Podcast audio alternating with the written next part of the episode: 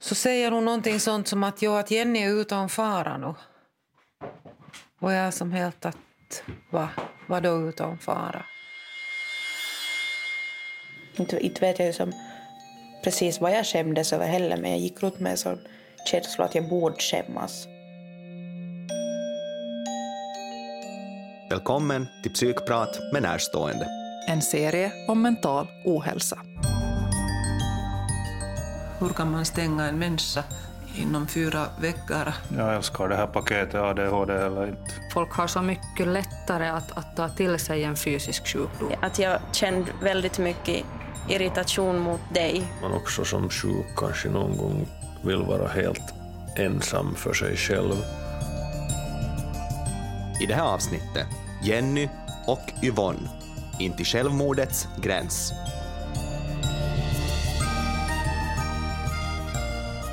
Jenny är det tredje barnet av Yvonnes fyra. En glad och envis tjej som under tonårstiden, som så många andra, tystnade och drog sig undan mamman. Men det var mer än en vanlig tonårsrevolt. Det var mental ohälsa. Jenny har idag flera diagnoser. Det kallas komorbiditet och är vanligt när det gäller psykiska sjukdomar. En problematik leder till en annan som kan lösa en tredje eller krångla till en fjärde. En enorm utmaning för psykiatrin, men minst lika prövande för en mamma, för familj och vänner och för en ung kvinna på väg in i vuxenvärlden. Det var omskakande för Jenny att få sina diagnoser. Och först var jag nog skrämmande. För jag var som sådär att herregud, det står på papper vad jag har för fel. Men samtidigt så var jag nog en lättnad då, just att jag fick som ord och beskrivning på vad, vad jag kände. Yvonnes första tanke då hon blev medveten om Jennys mentala ohälsa var Hjälp. Förstod ingenting. Nej, jag förstod ingenting. Jag fattade ingenting. Sämsta minne var nog då mamma skjutsade mig till Ropanäs hade sagt att jag vill ta mitt liv. Ja, då är det samma som vi har, ja. Mm, för jag har aldrig sett mamma så ledsen och upprörd. Alltså det var hemskt. Det var... Och jag kunde liksom inte trösta henne. Vad skulle jag sagt? Nej, men jag skojar bara. Liksom eller sånt. Jag hade som ingenting att säga åt henne och det var det som var värst.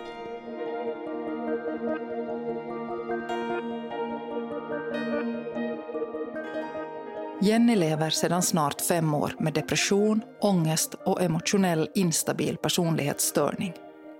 Periodvis har hon självskadebeteende och hon har brottats med ätstörningar. En av de värsta dagarna, då Jenny sagt att hon skulle ta livet av sig, lyckades mamma Yvonne få in den onåbara Jenny i bilen och de åkte mot Ropanäs och den akutpsykiatriska avdelningen vid Vasa centralsjukhus. Jag försökte prata något med dig, du svarade inte mig någonting. Du var helt liksom borta. Jag fick inte någon kontakt med dig. Jag pratade febrilt hela vägen. Vi kom fram till Ropanäs, in på avdelningen och då brast det för mig. Jag grät så jag ville inte få sagt Ja, där minns. vårdarna varför jag var där. Alltså jag hulkade och grät och snorade och hade mig. du Jag fick, fick bara ur dig typ att min dotter vill inte leva Ja, mer. jag, jag, jag, liksom, jag fick inte tala heller. Liksom, för då, då, när jag hade fått henne dit som, i trygghet, så då bara, då bara for det. Jo, det var ingen kul dag. Nej, det var ingen kul dag. Idag vet både Jenny och Yvonne mera vad sjukdomarna innebär. Men då Jenny insjuknade i tonåren hade ingen av dem erfarenhet eller stor kunskap om psykisk ohälsa. Min första tanke var ju att jag har något fel i huvudet. Att det är något fel på mig. Att vad är det här? Är jag helt crazy eller? Eh, ja, för inte hade jag hört om någon som mådde dåligt. Eller okej, några, men det var ingenting man pratade om. Mm, första året i gymnasiet så började jag nog märka att det var någonting fel. Alltså det var någonting inom mig som det kändes bara något konstigt. Jag kände någonting jag inte hade känt förr. Och saker som jag annars tyckte var jätteroligt så var inte lika roliga mer. Och det var jobbigt. Och hur tog det här sig uttryck då? Nå, först var det nog att jag grät massor. Inte så någon sov förstås, men typ på nätterna och kvällarna. och sånt. Men det som sen började märkas så var ju nog min ångest som kom fram. På något vis. Det här med deprimerad och deppad så är ett ord som folk slänger ur sig lite i tid och otid. Att oj vad jag är deppad nu och allting. Då man kanske bara är lite på dåligt humör. Och jag visste faktiskt inte hur allvarligt det var. Och hon hade ju aldrig talat med mig om det och inte heller så att det syntes så det direkt. Alltså, det är klart hon som andra tonåringar kunde vara inne på rummet sitt, och, men det är de ju. De vill ju ha sitt liv.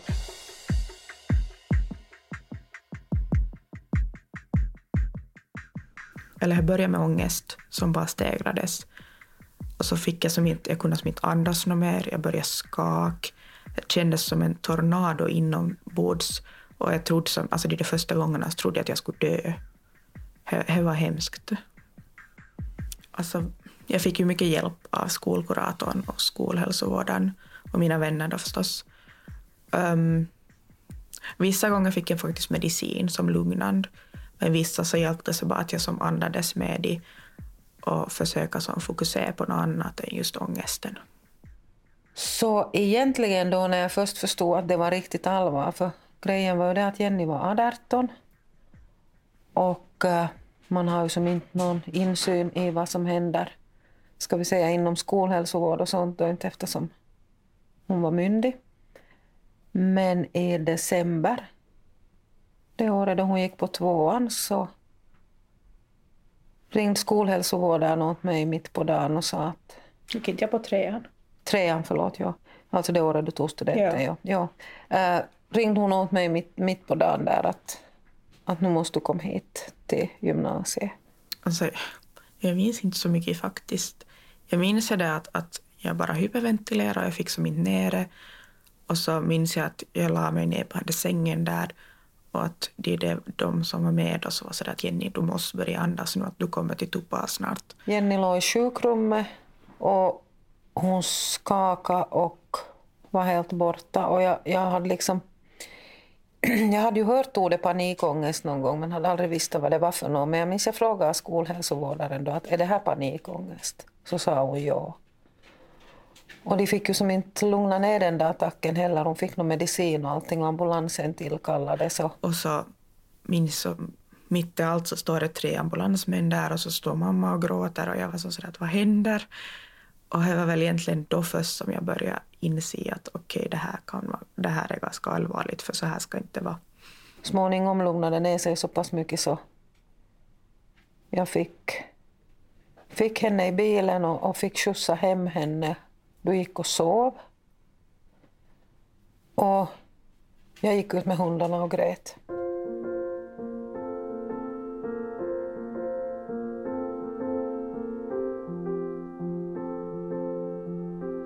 Det där var ju då inledningen på den första jobbiga perioden. För då vågade du börja visa mera också. Du hade ju hållit upp en fasad fram till det.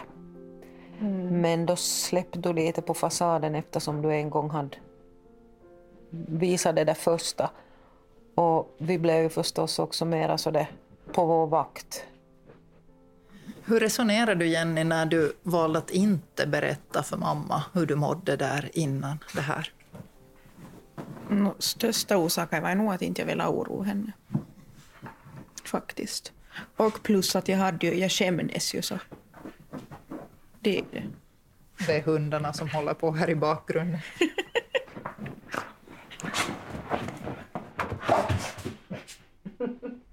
Det var väl nog mest att jag började som... Eller att jag höll allt inom mig.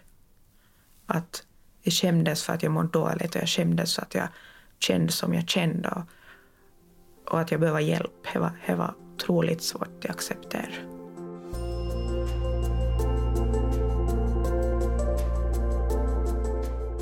Jenny fick en del hjälp, både på avdelning på sjukhus och i form av mediciner och terapi. Svåra sjukdomsdagar varvades med studentskrivningar, som Jenny klarade. Skoltiden var över, men den mentala ohälsan, den gick inte att skriva bort. Och året efter studenten åkte Jenny in och ut på avdelning flera gånger. En prövning också för familjen. No, Jenny har, har, har egentligen hela den våren Eh, mått väldigt dåligt och uh, var nog största delen av våren var du nog på avdelning då. Korta perioder ut och så in igen och där var mycket självskadebeteende.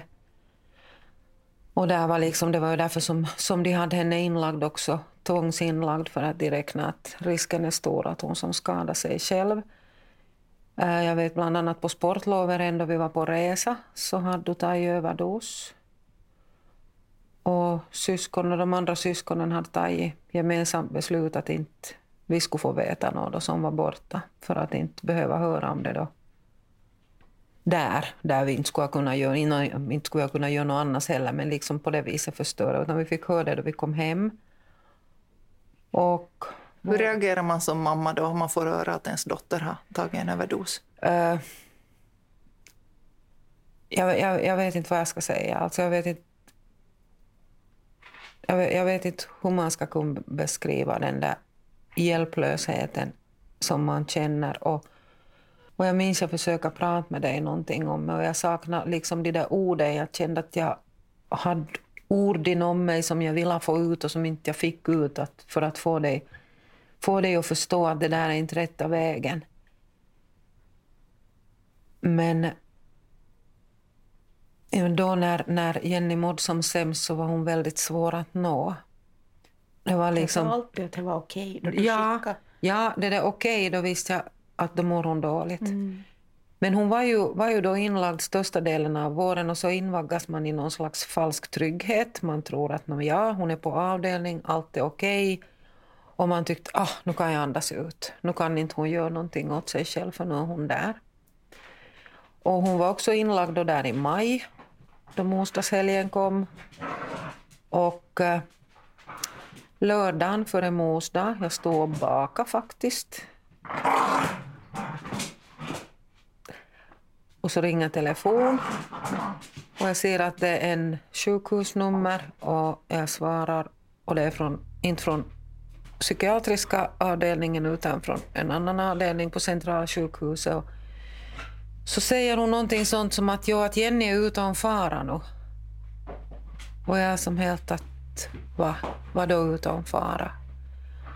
Och hon blev lite förvånad att har ingen kontaktat er? Och jag var som att nej. Och så visade det sig att kvällen före hade hon tagit en stor överdos av tabletter som hade lämnat över från tidigare recept och cocktail av lite allt möjligt. Och blivit förd från Ropanäs till centralsjukhuset och sväva mellan liv och död den natten, krampa väldigt. Och det var först då när de ringde på lördag som de som kunde säga att hon kommer att överleva och då hade vi ju inte visst någonting om det här. Inte.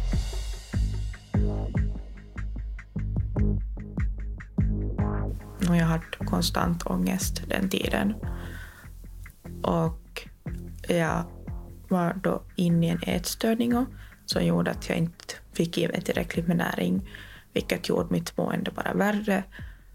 Och mitt logiska tänkande som försvann. Och, alltså jag levde ju, lekte ju med livet och döden och jag fattade inte hur allvarligt det var.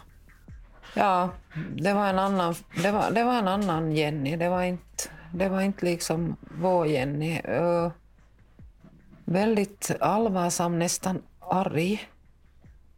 Uh, ja, nästan så det arg. Liksom det var rynkad panna och det var bista min och det var liksom... Mm, uh, hela, hela kroppsspråket var liksom väldigt avvisande, väldigt sådär...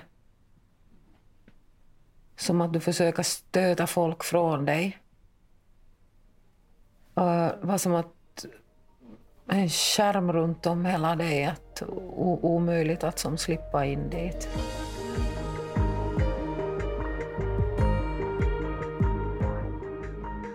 Ja, alltså egentligen så skulle man ju kunna tro att vändpunkten kom just efter min sista överdos. Men det gjorde inte. Utan jag var jag var på avdelningen och hade blivit bältad flera gånger. Så var det som en gång då jag låg där i bältessängen så var det som att, så var det som att jag skulle vakna på något vis. Att jag började tänka att inte vill jag ju leva så här. Alltså jag vill ju ha ett normalt liv. Att inte vill jag som åka ut och in på avdelning och äta en massa mediciner och bara leva destruktivt. Utan jag vill ha ett liv som jag faktiskt tycker om. Ja, alltså ju som hemskt att bli bältad. Kan du beskriva hur det går till? Nå, alltså bältning är nog en sak de tar till bara i värsta nödfall. Um, och som sagt så var jag väldigt självdestruktiv. Så de hade som inte något annat val. Så man blir som född till en säng. där de spänner fast som armarna och benen och midjan.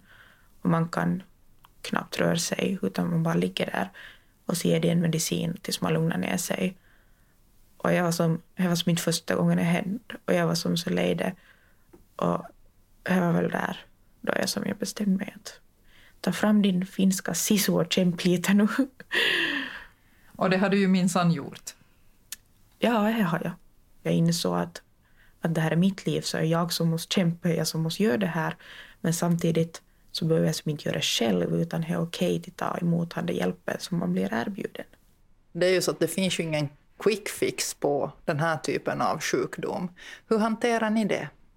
Jag tror, jag tror tyvärr, eller tyvärr eller vad man nu ska säga, eh, någon slags självbevarelsedrift är väl det där att man, man blir mer härdad med tiden. Jag märker liksom när jag jämför mig själv nu jämfört med några år sedan så då var det varenda gång uh, Jenny skickade att hon mådde dåligt eller hon hade hamnat in på sjukhus eller något annat så då bröt jag ihop. Och nu är jag mera som att, jaha, no, men att hoppas nog att det snart känns bättre igen. Jag liksom... Äh, det går inte lika djupt in i mig mera. Jag vet, jag vet inte om det är en självbevarelsedrift eller någonting. Att man liksom... Man är tvungen att... Nu har jag nog märkt skillnad. Att du tar det som... Ja, jag gör det. Som, mm, mer okej okay som fel till sig, men förr började du alltid så jätteupprörd jag hamnade in. Mm. Men då har du mig, nu har du mig börjat förstå att jag behöver det ibland. Man måste ha långtidsperspektiv på. Och jag sjunker mm. som inte riktigt lika långt ner mer, utan jag har nog kommit mig ganska bra bit upp från, mm. från grunden. Mm. Vad tror ni att orsaken till sjukdomen är? Ja, om jag skulle ha ett svar på det så skulle det vara bra, men inte finns det någonting som jag kan säga att jo, därför mår jag dåligt, eller just för att det händer så därför mår jag dåligt. Utan det har vi jobbat mycket med i terapin nu och försök som kom fram till varför jag mår dåligt och varför jag får ångest och sådana saker. Så. Ska vi nu säga första året efter att jag förstod att du mådde dåligt så var det ju jättemycket som man gick igenom själv. Att, att vad har jag gjort fel och, och, och vad skulle jag kunna göra annorlunda? gick ju egentligen ända tillbaka till, till, till du var liten och liksom att skulle man ha kunnat göra annorlunda där och där och i den och den situationen. Och storebror din funderade mycket med det att han hade retat dig för mycket och att han hade varit så avundsjuk på dig för att du var så bra och skid och fick så stora pokaler. Och, och liksom väldigt mycket sådana självförbråelser. Jag vet, han, han mådde jättedåligt och Jenny hade blivit sjuk. Att, att hans sambo sa att han sov inte på nätterna och, och liksom han hade otroligt jobbigt där. Vi, vi pratar ju en del om det då, då sinsemellan som med syskonen. Och, och inte tror jag det är någonting man helt och hållet någon gång kommer över. Nu har jag fortfarande de tankarna emellanåt. Jag tänker liksom att vad man ska kunna göra annorlunda och, och allting sånt. Och en sak som jag faktiskt tänkte att vi skulle inte ha fått låta det sluta skida. Ja, nej, jag vet, du har sagt det. Ja.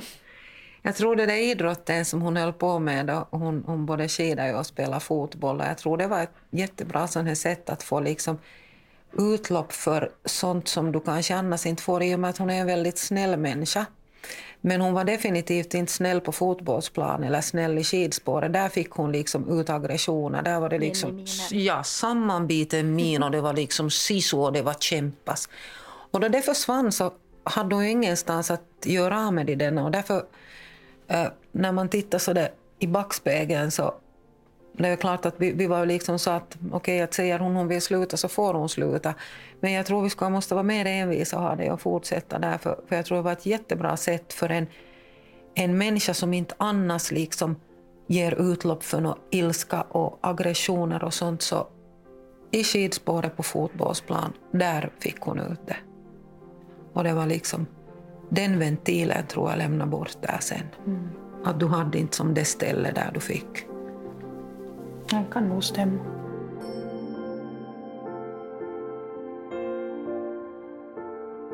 Medicin och terapi har hjälpt Jenny till ett friskare liv. Långpromenader med hundarna och sticksömmen har varit mamma Yvonnes ventiler under Jennys tunga perioder. Många känslor och tankar har stickats in i handarbeten. Den här hösten blir det hoppfulla och positiva sådana, då Jenny börjat studera till närvårdare efter flera års sjukskrivning. Jenny själv lägger ord på sina nya känslor på sin blogg. Jag sitter inte längre på akuten för att jag har sår som måste sys. Jag ligger inte längre i en säng på sjukhuset för att jag har tagit för mycket medicin. Jag är inte längre tvångsvårdad på en psykiatrisk avdelning. Jag blir inte bältad längre. Jag behöver inte avdelningsvård längre. Jag överlever inte bara. Jag lever. Ni har hört Jenny och Yvonne Renqvist.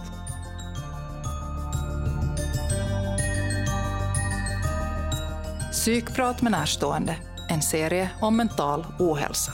Produktion SUS Productions för Svenska Yle. Redaktörer Tommy Wallin och Susanne Skatta. Ljudmix Thomas Birnik. Yles producent Annika Lövgren.